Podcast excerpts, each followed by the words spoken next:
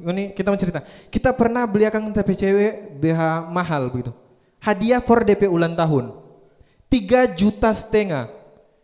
Cuma BH. Asli 3 juta setengah. Victoria Secret. Dulu karena kita bodoh, maksudnya bukan bodoh, kita malas masih keluar dari cash dan waktu itu belanja online. Kita beli, kita bayar pakai kartu kredit. Itu kebodohan terbesar selama tapi hidup. Bayar pakai kartu kredit kita ingat sekali, DP cicilan 8 bulan.